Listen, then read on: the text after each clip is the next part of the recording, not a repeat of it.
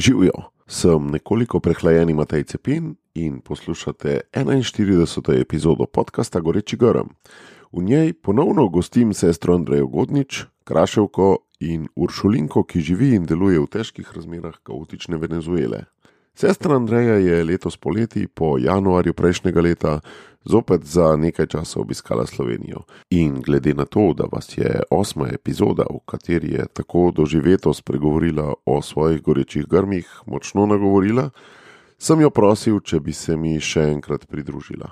Za njen obisk sem tudi tokrat izvedel tik pred koncem, in tudi tokrat se mi je pridružila ravno preden je zapustila Slovenijo. Glede na to, da v Venezueli živi v zelo težkih razmerah in glede na to, da tudi Evropo pretresajo izzivi, s katerimi se že dolgo nismo soočali, me je zanimalo, kakšen je njen pogled na dobo, ki prihaja, ter kako zastaviti svoje življenje, da bomo tej dobi kos. Ne, ne, nisva govorila o zviševanju cen elektrike ali o politiki, predvsem sva govorila o tem, kako postaviti svoj vsakdan, da bomo zmogli nositi bremena tega časa. Tiste, ki sestre Andreje še niste slišali govoriti o njenih gorečih grmih, vsekakor vabim, da morda celo najprej prisluhnete osmi epizodi. Tam govoriva o njej, tule pa bolj govoriva o vseh nas. Zato gremo kar v akcijo. Že veš, kaj je tvoj edinstven prispevek k boljšemu svetu in kako ga udejaniti? V podkastu Goreči grm razkrivamo močne zgodbe tistih, ki že živijo svoje poslanstvo, zato da lahko ti najdeš navdih, prepoznaš svoje goreče grme in pogumno stopiš na novo pot. Pozdravljena, sestra Andreja, dobrodošla ponovno v Gorečem grmu. Hvala lepa, sva se glih fajn jedla zdaj. Tako. ja, danes sva obrnila najprej praznovanje, potem pa snemanje. Hvala. Leto in tri četrt skoraj je od najnega zadnjega srečanja, od devete epizode. In jaz sem dobil kar veliko odzivov na to epizodo. Veliko ljudi je reklo, da te je poslušalo po večkrat, da jim je tudi v marsičem spremenilo kakšen pogled. Si ti tudi dobila kakšen odziv? E, Matej, res prosim vse, ki poslušajo zdaj tokrat, da če se kaj zgodi, če se jih kaj dotakne, recimo, kot mi so mi potem pripovedovali, da mamica pa hči sta bili v enem takem napetem, mal konfliktnem. Poje pa ena in tudi ta druga poslušala, mislim, da goreči karam od Mateja. In da sta se spogledali, ko sta se spet videli in sta rekli: Evo. In da je bil prav goreči karam povod, da sta se lahko slišali, da sta si lahko izrekli in da ste se lahko spravili. Jaz bi res Matej, na tem kraju res rekla vsakmu, če se to zgodi, če čutiš ali pa če te nagovori, ali pa če se te dotakne ali pa če te razsvetli neki, da vsi damo slavo tistmu, ki mu gre, ker to ni Andrej ali pa Matej. To nismo mi, ki smo tako grozno imenitni, pa pametni, pa tako široko razgledani. To gre za delovanje, ki Matej tako pobožno moli, da to se kar zjoče zraven, ko ga poslušaš. Da res bi vse to služilo, da bi, da bi milina, da bi sveti duh, pa tudi da bi Jezus, da bi nebeški oče, da bi mati Božja in tako, da bi oni res prišli preko teh valov. In odgovorili na to, kar ti si zdaj v tem trenutku in ko poslušaš. Ne? In ko ti to doživiš, če doživiš, potem da daš slavo njim. In rečeš, dobro, una dva, dobro, no, se je Andreja že neki ploza tam, ampak to, kar se mi je dogajalo, se mi dogaja, ker je šlo skozi nje, njo, ker je šlo skozi Mateja. Da bi res Gospod dobil vso slavo, ki mu gre, ker dejansko, ker se on dotakne, to je tisti okus zdravljenja, veselja, radosti, moči, luči, ki samo on lahko da, mi, mi dva ne. Da ne dajo nama ne. zaslug za to, ampak ne. se naslonijo, stavijo na kakšno malce bolj trdno delnico, ne, ki ne bo tako hitro padla. Tako in da kot tudi, mi dva. Da zmeri molimo in kličemo svetega vsem tistim, ki so ti instrumenti, sploh Matejtle, socialna akademija, da bi res uh, bili dober instrument, da bi lahko prišel v miru skozi Jezus. Uh, dokaj nenavaden čas je september za tvoj prihod iz Venezuele, kolikor vem, imate tam tak ritem, da nekako za novleci praviloma hodila na tri leta, ne? ampak vidim, da to se zdaj nekaj vse spremenilo. Kako to, da si tukaj in um, predvsem, kakšno je zdaj stanje v Venezueli? Drugače sem jaz, eh, začnem zdaj tretjega, grem v Italijo in sem, imamo en program mednarodni, jaz sem med organizatorji. In ko smo videli, da moram kupiti karto za Italijo, smo rekli, da če že greš peti, že kaj mami, so rekli moje sestre. In ker imamo avgusta počitnice, ker jaz drugače delam na šoli, so, so mi rekli, da je pet za dva meseca. Tako da sem avgust, september bila tle. To še ni bilo nikoli najbrž. Ne? Drugače iz Peruja sem hodila na tri leta, tri mesece vsakič. Aha. Sem bila 2011 prvič, še njih trikrat sem bila tako. Uh, in navadno sem bila vedno julij, august, september. Dva meseca sem bila bolj s sestrami pa doma, en mesec sem šla pa po Sloveniji malo oznanjevati, da Jezus dela čudovite dela. Uh mhm. -huh. Takrat decembra sem pa morala iti zaradi potnega lista, pa pandemija je bila tako, da je Aha, da je bilo vse malo tako. No. Zdaj v Venezueli pa naj bi imela samo en mesec, ker je druga politika, ampak je gospod tako uredil, da sprašuješ, kako je tam. Zdaj jaz skoraj nisem nobenemu, ki je dosti govorila, razen mojim sestram, no pa doma, ker moram priznati, veš, da me Venezuela me kar drma. Kako se to reče po slovensko lepo? Znemirja. Ja, je zelo boleča. Za me je Venezuela zelo boleča. Prvič zato, ker živim na eni zelo bogati šoli, sem v takem krogu bogatih, privilegiran so v enem mehurčku, bi človek rekel, samo petih procentov vseh venezuelcev. In mi je že to čudno, ker sem šla v misijonstvo, da bi bila zreveži, ne? že to mi meče vrvalke ven, sva mola zdaj, sem kar to. Dokler mi ni dal, um, vse sem postal vse, uh, sem kar nekaj tam grizla. Po drugi strani je pa tudi za teh 5% privilegirancev je, je situacija tako huda zaradi diktature, zaradi, zaradi humanitarne krize, zaradi sedmih milijonov beguncev, ki so šli ven, ki se ne da. Struktura, vse, kar naj bi država poskrbela za, za dobrobit, je popolnoma uničeno, ne, ne deluje, ne nič. Da je življenje tam, e, kot da bi bil en film. No? Horor film. Jaz. In sem, sem prav pravila, ne? zdaj smo se pogovarjali z Matejem, da sem prišla, sem bila tako čudna, jaz sem rekla, kaj je to, kaj je to, da še le zdaj na duhovnih hojah, kot da bi imela adrenalin popustil. Ker si tam si vsak dan. Napeta, ne? Ja, jaz se spomnim, ko je Milena prišla nazaj iz Ukrajine, ker je kaj bila na zahodnem delu Ukrajine, kjer ni vojne.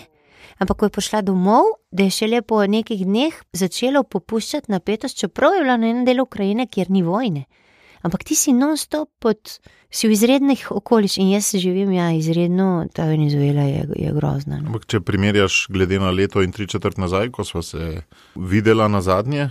Je slabše, boljše, enako. Veš, jaz sem mislila, že 2019, ko sem prišla v Venezuelo, sem kaj v to dno. Uh -huh. Ko vidiš, ko iščejo med smetmi, ko, ko vidiš, da, da morajo dobiti službe, ko vidiš, da je toliko otrok lačnih in to, ti rečeš, to je dno. Zdaj, ko pa štiri leta potem, tri leta potem pa vidiš, da dno nima dna. Ker to je ena najbolj bogatih držav v Latinski mhm. Ameriki, mm. ki 22 let nazaj, mislim, nisi mogel, z najhujšo domišljijo si, si nisi znal predstavljati, da lahko gre zaradi pač enih kriminalcev, stvar tako hitro, ki so bili demokratično izvoljeni. izvoljeni. Da je lahko eno stabilno gospodarstvo, eno izredno, mislim, prvi z nafto po, na planetu, uh, da zaradi slabega gospodarstva in zaradi kraje, ne, ker to gre za organizirane mednarodne organizacije in trgovina z ljudmi in drogami in, in, in ne da ni, da potem v 22 letih tako slabo gospodarijo, da so si v bistvu skoraj vsi požagali vejo, na kateri so sedeli. Ne. In, in da demokracija še zdaleč ni garant. Ne? Jaz se spomnim stresa, kar nam je to razlagal in jaz mu nisem verjela. On je rekel, ni fiksno. Če si ti enkrat v demokraciji, se ga še zdaj spomnim, kot je razlagal, ni nujno, da ne boš padel nazaj, ker gre okoli, gre vse te faze družbenih ureditev. In ko sem jaz, jaz nisem, nisem razumel, zakaj Hitler je bil izvoljen demokratično. In kako pa je cela Nemčija šla v vojno. Razumeš, jaz, ko pa zdaj gledam, pa, pa rečeš itak. Tako da zdaj v Sloveniji ali pa v Evropi tudi, ali pa to, ko smo videli, kaj se je dogajalo v zunanjih državah, je zelo jasen pokazatelj, da ko so prehodi iz, iz ene paradigme, bi človek rekel, drugo, ti prekuci, ne? da so stvari tako krhke, da so plošče tektonske, tako se premikajo v dnu, da se nam lahko vse zgodi. Jaz se spomnim, kako je ta pandemija nas. Ena taka izkušnja enega leta in pol, ko je tako, mislim, to te tako v dnu, te tako premakne, vse, vse stabilnost, vse kako naj bi bila prihodnost, kako, da ti dejansko zamenjaš čip. Ker uh, če smo tako navajeni na udobje, če smo tako komfortni coni, če je toliko tega konzumizma, ki je jaz, jaz, jaz, ali to čokolado, ali to milko, ali to milko, ko si ti v tej fazi, pa ti sploh ne razumeš, da, da, da, da, da 80% ljudi ni tako in da ti boš to zgubil. Ti si zadnjič govorila o spremembi dobe, o prekucih, ampak takrat je ostalo nekako nedorečeno, kaj je zdaj po tvojem ta nova doba. Tudi papež je v zadnjem letu, ali pa še več, večkrat povedal, da ne živimo samo v dobi sprememb, ampak živimo v spremembi dobe. Kaj je po tvoje zdaj ta nova doba? Ker meni se zdi, da res tudi prihaja ena nova doba, ampak da za njo softvera nimamo še. Naš šolski sistem, naše družine, naši starši nas niso na to dobo pripravili. Ja, jaz si zdi, kar rečem, digitalna era. Ki jo je COVID še dodatno pospešil. Jaz mislim, da COVID spada v digitalno ero. Veš, uh -huh. je del, je eden od elementov. Po moje, tam mali naši že razumejo, da ni več v smislu tako, kot smo bili mi navajeni. Ok, zdaj končam srednjo, zdaj bom šla na faks šest, šest uh -huh. let, potem bom verjetno dobila dobro službo in tako. Recimo, ta način razmišljanja, po moje, oni nimajo. Oni so izkusili da danes rečejo, da se začenjajo dvigati primeri, in da potem jutri država reče, je lockdown, je karantena. Veliko več negotovosti, ne? veliko več stvari se lahko. Jaz ne vem, zgodi. če je to za njih negotovost. Mhm. Oni že živijo negotovo. Zakaj? Mi smo vedeli, pač mama in tata sta se poročila in to je to. Oni, ne vem, če oni tako doživljajo, kot mi, da je to negotovo. Oni samo vejo, tisti Love and Monsters mi je Gabriel rekel, ne gledam da smo mi pod zemljo, ker zgori so pošasti, ki jih odrasli ne obvladajo. Jaz mislim, da je to razlika.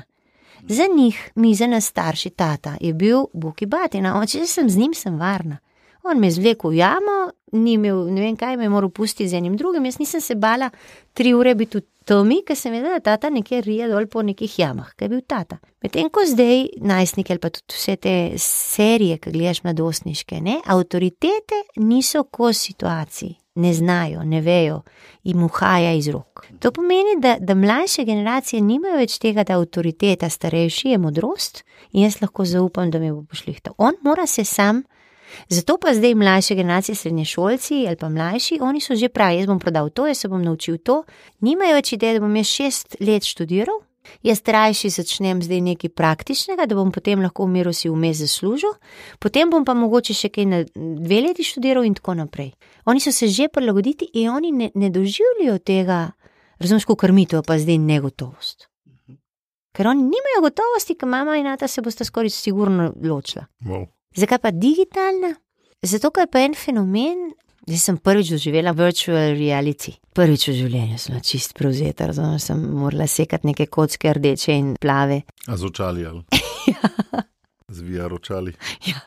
In sem bila tako, mislim, že tako, jaz se spomnim, ko sem prvič šla, ko so mi tam male moje sestre, to so mi vse mlajše, ko so mi kazali, kako funkcionira Bluetooth. Jaz se spomnim, ko sem bila jaz fascinirana. Ne? Ko si ti v Venezueli in imaš WhatsApp in je zaston, ko imaš WiFi. In moja mama, razumeš, se da na, na video in, in klepetava, in, in sva zdaj bolj na tekočem, kot pa preko sem bila v Sloveniji in, in sem imela toliko dela, da jo nisem imela časa niti poklicati, niti obiskati. Kako ta občutek, da je digitalna resničnost, moj odnos do mojega mobitelčka, ne, inteligentnega telefona, moj odnos do, do Google, moj odnos do iskanja in pa naša povezava, da jaz zdaj napišem. Jaz se spomnim, da smo v Venezueli, zdaj sem v Sloveniji, v Venezueli smo rihtali konzularni dan, čestitam našim konzulom, ki so naredili enkratno delo, ponosna. Ampak ena je bila na enem otoku Mar, uh, Margariti, jaz sem bila v Sloveniji, eh, ta naš konzularni uh, gospod je bil pa v Karakasu. In smo se mi zmenili, kje se bojo našli. Še zmeri sem v šoku, ne? Ta način razmišljanja, da je vse tle, da je vse vas in da smo priklopljeni na en oblak, ki je ena kultura dejansko. Ti govoriš zdaj o tej digitalni dobi kot o dobi priložnosti, kot o dobi dobrega, ne? ampak vsaka taka tehnološka inovacija potegne za sabo tudi neke težke stvari, ki jih moramo kot kultura še predelati. Ne? Jaz ne morem reči, da je e, ena obdobje, da bi bilo samo dobro ali pa samo slabo. Jaz ne, ne morem tako razmišljati o zgodovini. Zgodovina človeštva pripada božji, o ekonomiji se reče po teološko, ne božji zgodbi. In zmeri je seme in je pleve. To jaz ne vem, jaz to imam take bolj ortodoksne poglede na stvari. Jaz ne morem reči, da je zadnje obdobje krščanske družbe bilo samo pozitivno ali pa samo dobro, ker ni bilo. Tudi, recimo, ko se je zgodil zadnji prekuc, ko je bila Angela, ki nas je ustanovila, so, mislim, da smo se zadnjič pogovarjali. Da je bilo tisto obdobje samo dobro ali pa samo slabo. Jaz tako ne morem gledati. Uh -huh. So pa tako, kot ti praviš, čutim pa, da si, ja, so novi izzivi. In kar je digitalna doba drugačna od prejšnjih prekucev, bi jaz rekla, je, da prej si imel starejše, modre osebe in si jim zaupal, ker so bili oni vir znanja, razumevanja stvari. Starci so ti razlagali stvari. To je bilo pa vsa stoletja, z razliko od zdaj. Zdaj, ker smo v digitalni dobi, ta mali bolj obvlada in ker je tega toliko povsod, tudi za parking plačati. Moš ti poznati te stvari. Da potem je tam malo zelo težko razumeti, da ti pa si kompetenten. Od tega najnega pogovora do zdaj smo postavili temelj, da prihaja nova doba, ki bi lahko rekla digitalna doba, ki je doba mreže, ne več doba hierarhij. In zaradi te mreže avtoritet pravzaprav skoraj da nimamo. Nimamo več skoraj prav in narobe, nimamo več nekih inštitucij. Softvera za to novo dobo veliko krat še nimamo. Se mi zdi, da so tudi s tem, ko smo veliko bolj po, širše povezani, so tudi naše naloge, naša pričakovanja do samih sebe skozi večja. Z mnogimi ljudmi se srečujem, ki ne, bom zgrdo besedo rekel, shendlajo oziroma ne zmorejo svojih stvari narediti. Bodi konkretno. Naprimer, starši v odnosu do otrok bi morali delati to, pa to, pa to, pa to, pa nam ne rad. Potem v svojih službah bi mogli to, pa to, pa to. Potem smo še pripadniki nekih drugih skupnosti, recimo župnije, društva in tako naprej, in pol se jezimo drug na drugega, ker ta ni upravo te naloge, tisti ni upravo te naloge, pa smo si vsi obljubili, da bomo. Ne? V resnici gre verjetno za časovni, da ne znamo upravljati svojim časom, da si ne znamo postavljati prioritet, da ne znamo v tej novi dobi, ki je doba polna, polna informacij, kaj vse bi lahko, nisi več samo v svoji vasi. Po celem svetu vidiš lahko priložnosti in imaš veliko idej, kaj vse bi lahko, ampak narediš pa pol zelo malo. Ne? Kako ti gledaš na to postavljanje prioritet ali pa organiziranje svojega časa? Kako se znajti v tej novi dobi priložnosti po celem svetu? Zdaj, če govorimo recimo od zakoncev, ne? Mhm. Veš, mislim, da ste vi najbolj na udaru ker mi. Da to tisti, ki imamo družine, več čutimo kot tisti, ki jih nimate. Škej, mi imamo privilegij, recimo v samostanih, ne? da naša samostanska struktura ti vseeno, da mogoče ja, ti lahko poskrbiš za svoj popek, veselo, veš. Mislim, ti ne prije do mesa toliko. A veš, ti imaš pa štiri otroke, pa tam ne moš, ne moš noč. Ker če ti ene cukate, drugi kličete, tretji joče, četrti je padel, mislim, je pika. Mi pa imamo, ja, klauzuro, ne? mi pa imamo distanco. In župniki tudi, eh, si smo vsi zaposleni, to smo ni dvoma, ampak hočem reči, kaj gre za eksistencialno, ko ti ne pripadaš sam sebi. Tudi se mi zdi, da duhovniki imajo neko kontrolo nad svojim življenjem, on odloča, kam bo šel ali ne. Ni otroka tam, ki zboli. Ti misliš, da so otroci tista stvar, ki najbolj zasede? Jaz samo pravim, da je katero skupino gledava, ko ti rečeš prezaposleni. Zato, ker recimo, če, če gledamo na starše, ki imajo mičkane otroke, 4, 6, 8, ne, vidva se morata odločiti in pika. Smo bili v pandemiji nismo vozili otrok na delavnice, smo bili doma 24 ur na dan. In smo videli, kakšna je bila kvaliteta skupnega življenja. In potem smo spet začeli voziti. Prioritete so, ko rečeš. Okus enega in okus drugega imamo, in zdaj se lahko zbira, ker prej, ko smo imeli samo kus helikopterskih staršev. Prej si vedno moral voziti. Mm.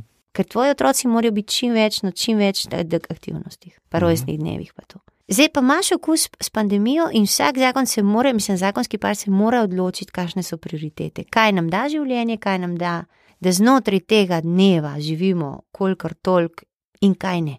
In druga stvar, ki se mora pač par odločiti, je, kakšne so naše pričakovanja ali mi hočemo imeti vse spucano, ali mi hočemo biti vse čas na potovanjih, ali mi hočemo uh, imeti samo neke specialitete, pa neko biohrano.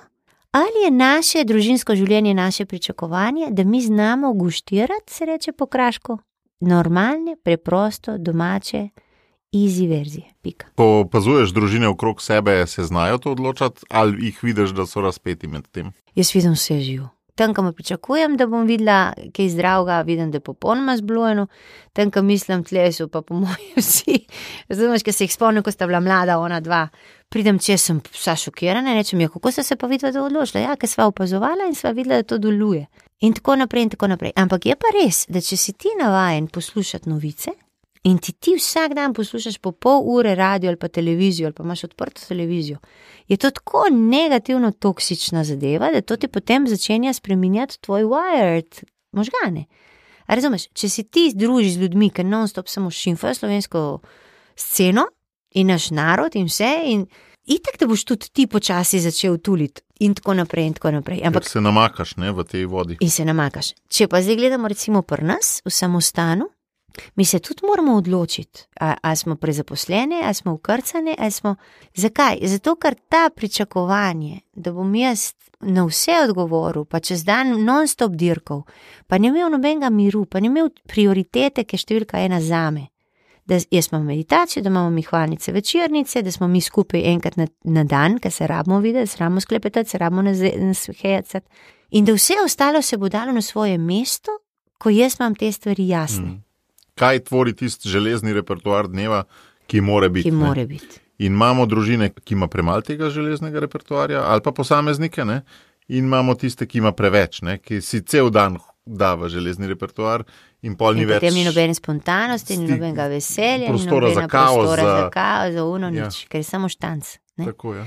Ampak kaj pravim? Jaz meri pravim, da glede na to, da smo pač ta družba, kot smo zdaj v tej digitalnem novi eri, recimo, ne, da so standardi zdaj tako strašno visoki za vas, kvaliteta življenja je tako visoka. Te hiše, tako spucane, tako vse ti vrtovi, mislim, to sam gledaš.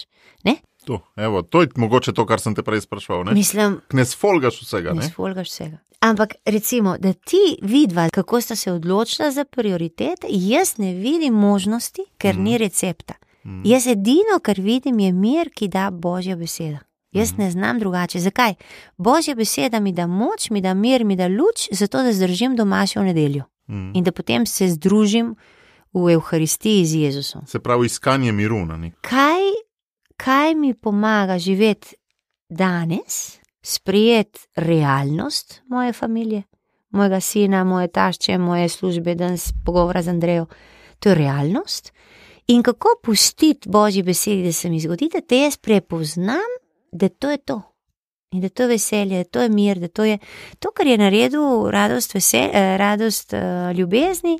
Papež, ko začne z unim psalmom na začetku biti pri mizi, sedeti pri mizi je že lepo. Boš ti videla, oni se pa ska, una dva se skregata, oni kriči, oni noč, oni gleda mobitel, to ni nobene romantike. Jaz mislim, da, da to, kar je zdaj zahtevno za vas, za nas, sestre ali pa za duhovnike. Uh mhm. Je pustiti te stare koncepte, kaj je idealno, kaj je popolno, kako naj bi bilo, ker to je mm. popolna zguba časa, če me vprašaš. Se pravi, vsi jih moramo zbrisati iz našega softvera, te vršt, idealne slike. Vršt ven. In tudi, mislim, če bereš eno revijo, ko non-stop nabivate idealne, nasme, nasmejane in to razumeš brez veze, ker to ni res. In potem z ženo ali pa jaz z mojimi sestrami ali pa duhovniki v svojih občestvih duhovniških najti hrano, najti tisto moč in to je božja beseda da mi bo danes pomagala prepoznati dan, prepoznati, kje je Gospod bil, kje je bila Gospodova moč, kje se je on razodel, kje mi je naredil čudež, kako sem jaz odgovorila na to besedo, da potem začnem jaz pri teh drobnih mičkanih zmagah, pri teh drobnih mičkanih darilčkih, pri teh drobnih nežnostih, pravi papež Frančišek stalno, vsak dan jih začeti uživati in se zahvaljevati in se mm. čuditi ne pa stalno, kaj, kaj ni, kako ni, uno je to, zdaj sem poslušal unga predsednika, razumeš, in se potem toksično, potem, ne veš, in to jaz mislim, da je Božje kraljestvo. In to jaz mislim, da je to, kar je evangelij, jaz mislim, to, kar je Jezus sredi med nami. Ne nekaj idealnega, nekaj vse pošlihtanga, nekaj vse, kar tako mora biti in sem vse izpolnila. Pač pa danes, današnja dinamika, in rečemo, ok, ne bomo šli, pika. Videti, kje so danes darila za me na mizi pripravljena, ne? Kaj je pa danes tisto, kar lahko odvijem, kar mi je dano. V zvezi s tem me je pa ravno v zadnjem letu eh, zelo močno nagovoril Psalm 23, ki ja. govori o tem, da je Gospod moj pastir in da je on tisti, ki mi daje, ki Vidiš. pogrinja mizo, ki mazili mojo glavo, Vidiš. ki polni mojo čašo. In ni uresničevanje lastnih ciljev, ki sem si jih zadal na prvem mestu, ampak je na prvem mestu videti, kaj je okrog mene, kaj, kaj ponuja ta pašnik, ta zelena trava. Tako da bi zdaj predlagal, da ga poslušava, pa potem pokomentirava. Psalm 23. Gospod je moj pastir, nič mi ne manjka. Na zelenih pašnikih mi daje ležišče, k vodam počitka me vodi, mojo dušo poživlja, vodi me po pravih stezah zaradi svojega imena. Tudi če bi hodil po globeli smrtne sence, se ne bojim hudega, ker si ti z menoj. Tvoja palica in tvoja opora, ti me tolažita. Pred mano pogrinjaš mizo v pričo mojih nasprotnikov, z oljem mi maziliš glavo, moja čaša je prepolna. Le dobrota in milina me bosta spremljali vse dni mojega življenja. Prebival bom v hiši gospodovi vse dni življenja. Kaj te nagovarja? Jaz sem tako neskončno hvaležna, da vsi, ki poslušate, lahko čutite, kako sveti duh nagovarja Mateja preko božje besede. Kako sveti duh se premika, žgečka po boža Andreja v tem trenutku. To je to, jaz mislim, da je to to. Ko je ena beseda, ki si jo stokrat slišal, ti da moč pa ti da tolažbo ali pa ti da luč v tistem tunelu. Ne? Ko smo se v deveti epizodi pogovarjali o pomenu božje besede, si rekla, da to ni samo literatura, ne, ampak da je to nekaj, nekaj več, ne, nekaj drugega.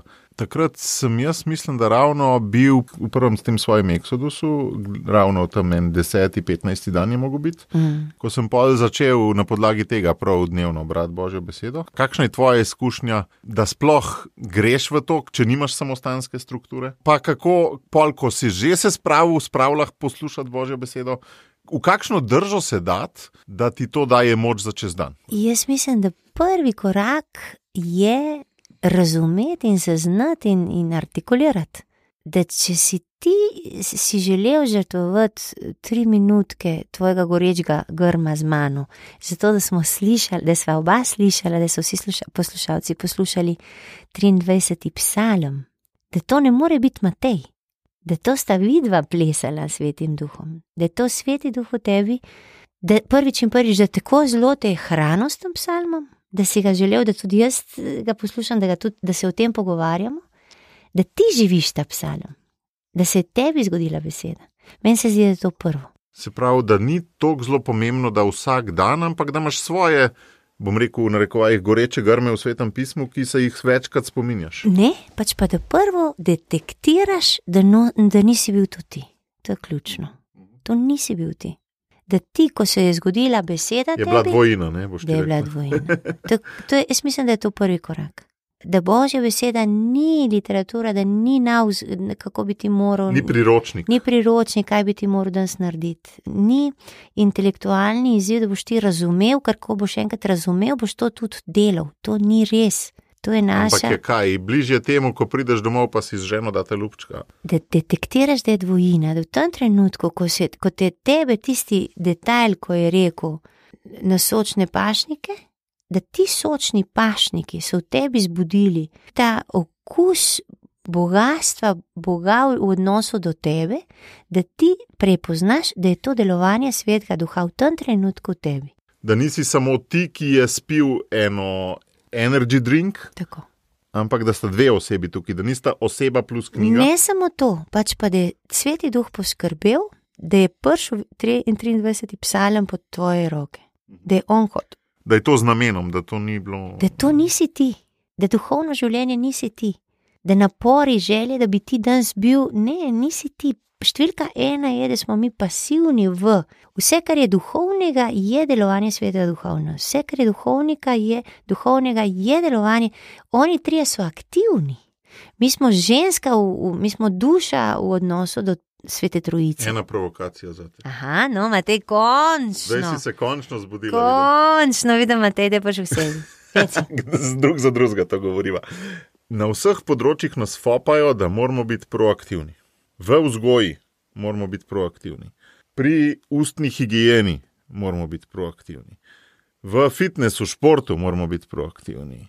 Čist vsi strokovnjaki nam govorijo na vseh možnih področjih, da moramo intentionally, zavestno delati odločitve in se jih pol držati. Če hočeš imeti lep vrt, moraš biti proaktiven na vrtu. Če hočeš, da bo stanovanje spucano, moraš narediti sistem pucanja stanovanja v svoji družini, da ne boš vsega sam delal. Če hočeš imeti zdravo kosilo vsak dan, moraš imeti sistem nabavljanja, kuhanja, kje boš nabavljal, kako boš kuhal, koliko časa si boš dal. Ja. Ti pa zdaj govoriš, da obstaja pa eno področje življenja, če sem te prav razumel, ali vsa področja, tega nisem štekel, kjer pa ni treba biti proaktiven. Ne, nis, ne vem, če sva se prav razumela. Ti hočeš osvojiti tvojo Simono, preko sta bila poročena, ne? In si bil proaktiven. ne, ne, prej, preden si se A ja, poročil. Preden. Preden okej. si se poročil, si Ti se si to odločil. rekla? Ja, ja, se upravičujem. Ti si se odločil, da boš proaktiven do Simone. Okay, In si vse zrihtal in je rekel, da ja, da gresta. okay. In si se potem zrihtal in si zrihtal tam in si točno vedel, kakšen je plan in tako. Ampak ko sta enkrat vidva hodila drug ob drugem, to je bilo še prej, ne, preden sta Ja. hodila. Kako se bo izcimil Randi? A je bilo pod tvojo kontrolo ali ne?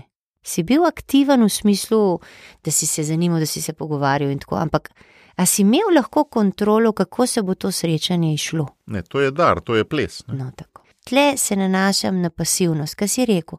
Ko je enkrat božja beseda, kako naj potem jaz konkretno v dnevu naredim, da bo ta božja beseda. Ja? Aha, Ti- ok, to si se. Okay. A bo šlo? To pomeni, da ti moraš biti proaktiven, da ti moraš se odločiti in reči, Simona, jaz sem se odločil zaradi Ex- Exodus, recimo zdaj, ne? To pomeni, Exodus, naša skupina ima tak ritem. Jaz zjutraj, ko se zbudim, prvo mi dva, potem pa imam jaz, jaz preberem božjo besedo in pika. To si ti proaktiven. Ko pa ti enkrat bereš božjo besedo, pa se ti daš v pasiv mud, ženska, ženska pasivnost. To, kar smo mi, ki sprejemamo noter. Ja, ja, to si zadnjič govorila o plesalcu, ki vodi in o Tako. plesalki, ki tudi pleše, ampak ne vodi.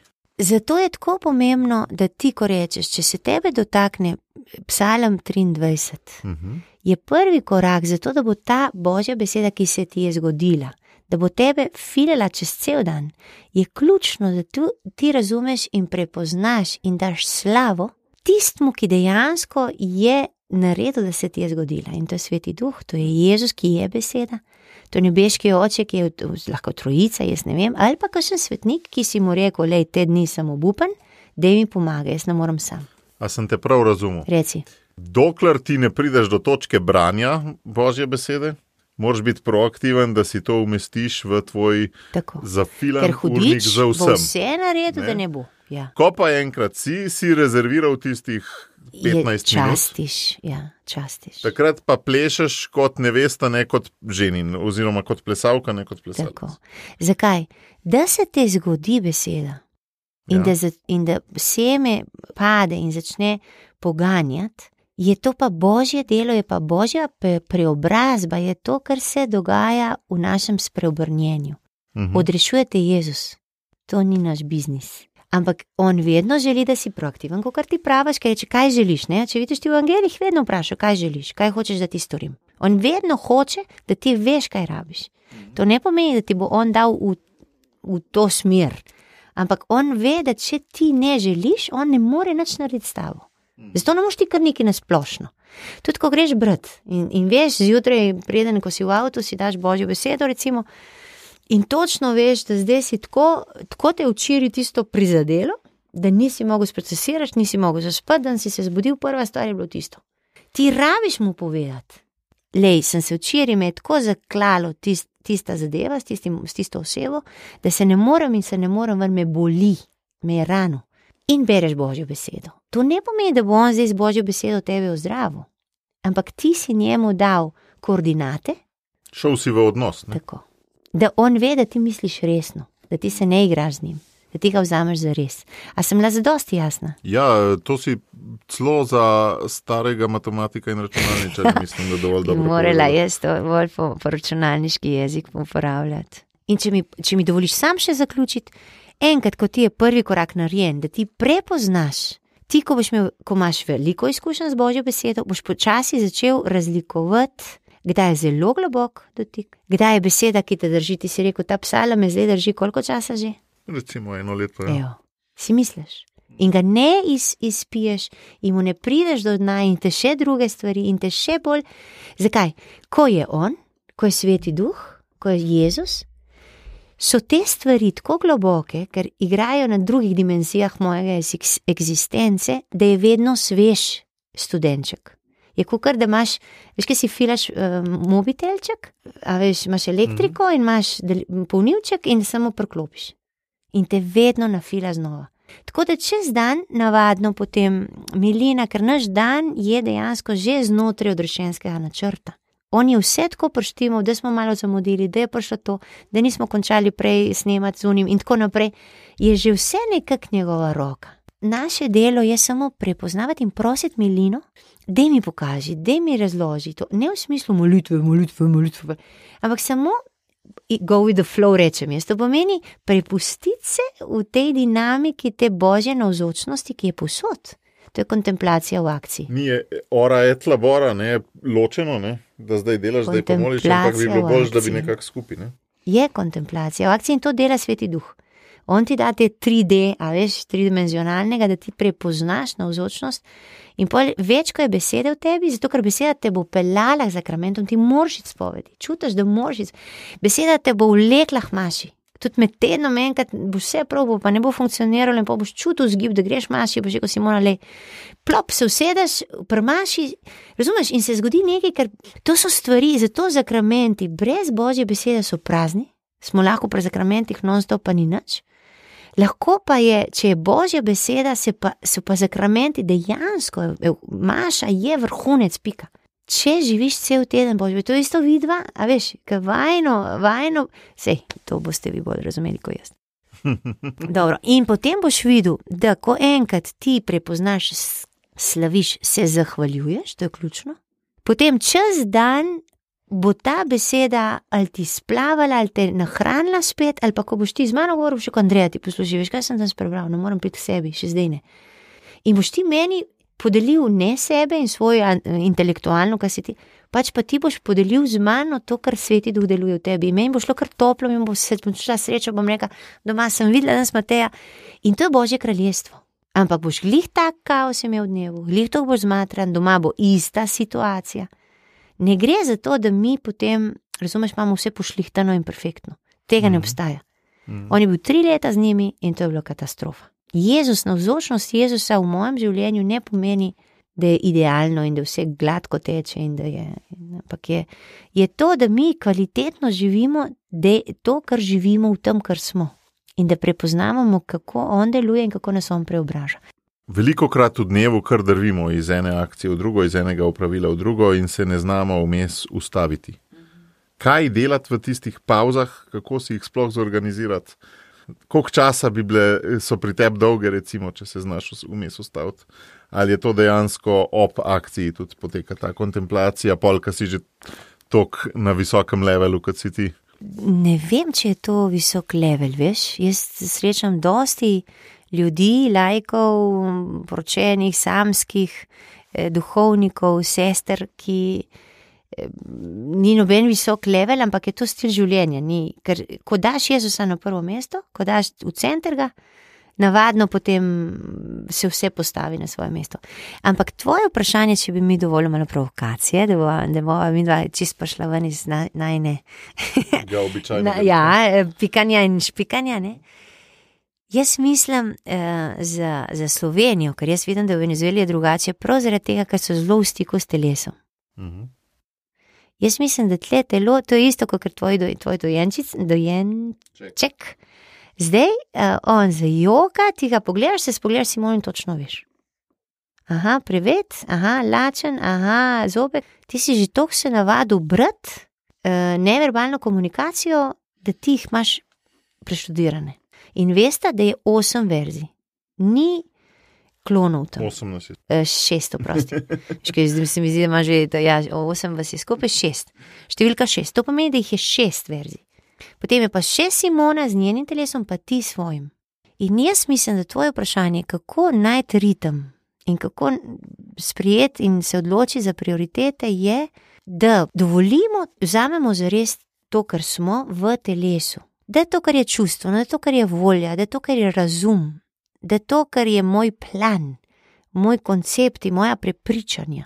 Da jaz, tako kot prej, ko smo bili navajeni, ko smo bili še kmet, na kmetiji, ko smo imeli tiste ritme, ki si bil podrejen ritmu na nivi, gozdu, sekanju drv, pršutu, pujsu, razumeš, da, da, da se ti, da zdaj, ko ni več tega, da si ti prvezan na zemljo, ki ti je dala neko grounding, da zdaj vzameš za res in poslušaš. Jaz mislim, da to nam pomaga, da vzamem za res to, kar mi sporoča telo, da prepoznavam, kaj mi govori, da pa tudi poslušam, kakšne so potrebe. Ker jaz vidim, da to tudi grem zdravnici, ona mi reče, mi predpiše, jaz pojem tableto in je. Čutim, da bi, ne, Andreja, jaz ne smem poslušati telesa, ker če bi jaz poslušala telo, bi samo spala. Čakaj, dajmo še enkrat to. Ne, jaz bi samo spala. In kaj je to? Ja, to je le novo. Čakaj, dajmo še enkrat. Spala nisi tri noči, uh, včeraj je bil šok, totalni, zato ker je ta mala padla, ta, ta, ta, ta, ta, ta, ta, ta. tvoj organizem je totalno znucen. Ja, ampak ne morem zdaj spati. Zakaj ne moreš iti pred polnočjo spati? Zato, ker moram pometi, ker moram še prepraviti, ker moram. Razumeš? Kaj pomeni, ko ti začneš poslušati, ko vzameš za res? No, ravno to je. Ne? Veš, ponavadi imamo premalo virov za opraviti vse, kar si pomivanje, kar si prej le rekla. Ne? Saj ta srednja generacija, ki nekako najbolj posluša goreče grme, ima ponavadi pa ljudje mailov ne odgovarjajo po en mesec ali pa dva, ali pa sploh nikoli, pa se jim jih 1500 nabere v inboxu. Premalo imamo virov, da bi vse to poštimal. Ne? Potem moš pa znižati. Večina ljudi, ki jih poznam, ima premalo virov, da bi vse to poštimala. Pa tudi to je, si sem rekla. Če, recimo, če se ti odločiš in rečeš, bova se odločila, da, začet, da bova dan začela tako in tako, ne gre za dolge količinske čase, vi nimate dolgih količinskih časov ampak samo rutino, majhno rutino. In samo reči, gospod, danes je tvoj dan, ampak jaz ne sfolgam. Mava pa idejo, se Ignacija, zmeri konkretno področje. Ne red v tem in tem področju, tle ne red. S vsemi šestimi je to vidva, da zdaj se ne sfolga več tisto, kar sva pred dveh imela še, in zdaj moramo to midva spremeniti. Ne? To pomeni, rečeva, prosiva gospoda za modrost in rečeva, da je nama rešitev za ta in ta konkretno organizacijski problem. Ampak jaz vidim, pri meni, ki sem sestra, da sva imela z Jezusom to, da prej v prednosti in to je rekel, poslušaj, dej ti meni številka ena, vse ostalo ti jaz pošlihtam. In ko jaz, ko pridejo skušnjave, da ne, da je zdaj ta samomor naredil, če zdaj ne zrihtam ta hadnarja, bo konc sveta, če rečem ne, bom dala prednost tebi, Jezus, da potem meni vse ostalo postane relativno. Bom dala prednost enkrat na mesec nama, dvema boš rekel ti Simoni, in vse ostalo potem bo šlo na svoje mesto. Bom dal enkrat na teden, bomo si prvošli družinsko katehezo in se zafuramo vsi gor, in bomo cel dan bomo imeli za Boga. Najdete te centre. Kaj je moja prioriteta? Vidim stanje, situacija stanja je taka, nered je na tem področju, ok, deva klicati svetega duha, deva prositi, deva brati besedo. In potem ti on uči njegov način, kako živeti ta dezaster od dneva, kar jaz razumem, da ga imate. In potem, ko ti narediš ene stvari, ki so prioriteta, ki so centralne za tvoj vitalni ritem, potem vse ostale vidiš, da niso bistvene, vidiš, da, da te samo nažirajo, vidiš, da te samo raztreščijo, vidiš, da ne da rezultatov in bojo odpadle. Ampak morate pa, da pade ogromno stvari. Potem pa za otroke, se mi zdi, jaz vidim v teh družinah, je pa najboljše so pa rutine. Enkrat na teden to, enkrat na mesec to, interneta pač pol ure, mislim to pa, a veš, in vsi delati. Veš, če si toliko strmaš ta, uno, vse to veš, to vsaka pol družina si rihta te ritme. In, ampak najlepše, in to mi je meni všeč pri Frančišku, tudi pri radosti ljubezni je, da si zbiraš z glave te idealne predstave in pričakovanja, in to, kar to je fake. Ni idealne družine, so samo realne, ne. Še recimo ona dva, ki sta bila brez madeža, če ti pogledaš malo bolj realno, A veš, Jezus pa Marija, ki sta bila oba brez, un je bil redrešenik, ona je bila brez madeža, razumeš? Evo, prvo, eh, razumeš, eh, ko začne prvi dialog, kaj si nama storil. Mm. A nista vedela, da moram. Pol je naslednjič spet, eh, nimajo vina. Potem ona, ja, potem ona pride, jo niti ne sprejme. Ne? Mati, žena je, kdor. Skozi neka neidealna Potem, situacija. razumeš, potem oni tam odrešuje, ona točno ve, da on odrešuje. Namesto da bi rekel, mama, le z mano greš, za dosti. Ti si že z mano se odrešila, jaz ti trpiš bolj kot jaz. To je to. Kaj ji reče? Tvoj sin, glej tvoja mati. Ko češ, Marija, dajmo, gremo dalje. Zdaj bom umrl, ti pa pedi naprej, drse s temi Mm. trontli. Razumeš? Ona dva, ki sta bile eh, perfektna, mislim, to ni dvoma. In kako boš potem pa ti od nas, ki smo učenci, ki smo 72 učencev, ki smo niti učenci, razumeš, ki smo prišli tja samo zato, da nas pozdravi. Da... To se meni zdi škoda in to sem jaz jezna. Zato morate gledati za vire zunaj, ne samo Slovenije. Mislim, mm. to mi imamo to idealni, ta, na, mi smo idealni, mi smo idealna družina. Kaj to... pa je to v slovenski duši, ta hrepenenje po idealni družini? Dvojina, to je dvojina. To je dvojina, mi tako zelo čutimo. Jaz živim z američani, z angliži, jaz živim z.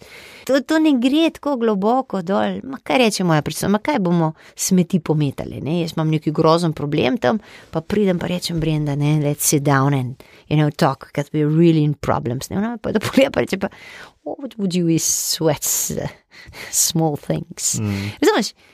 Ker je druga psihologija. Jaz ne morem reči, da so oni trdi, jaz ne morem reči, da so oni neobčutljivi, jaz ne morem reči, da so oni racionalni. Smo pač Bog ljubi sorto.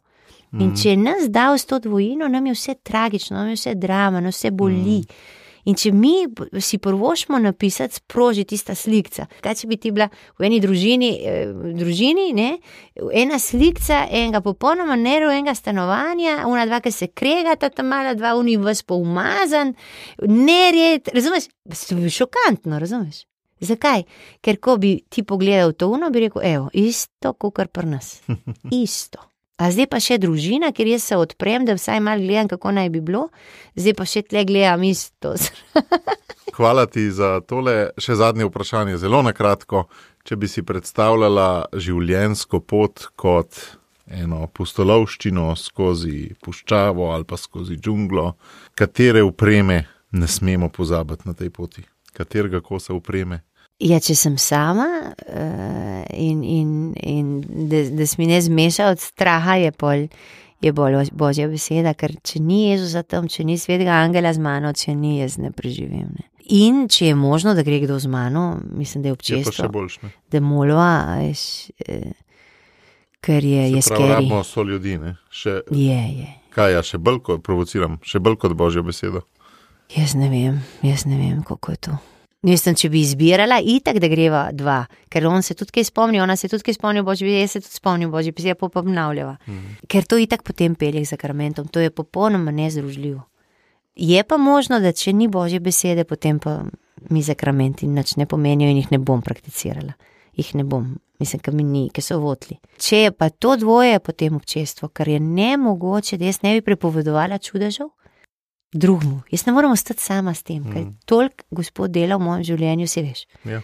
Da ti moraš pripovedovati. Ker veš, da nisi bil ti, da, da, da, da se zgodi in da je on tle dejansko, da so nebesa odprta. No? Hvala, sestra Andreja. Če smo v deveti epizodi govorila veliko več o tvojih gorečih grmih, sva šla zdaj stopnjo više in so poskušala to aplicirati. Lahko rečem zdaj, ko sva ob koncu pogovora, sva skušala te goreče grme aplicirati v običajno življenje ene slovenske družine, moža, žene in poskušala modrovati o tem, kako v tej novi dobi živeti in preživeti. Lepa hvala no, za povabilo in moram povedati, da ste lepi. Družine, mislim, Slovenija je, je to nekaj najlepše. Tako da zaupajte, kako je Gospod vesel, da nas ima, da nas je ustvaril.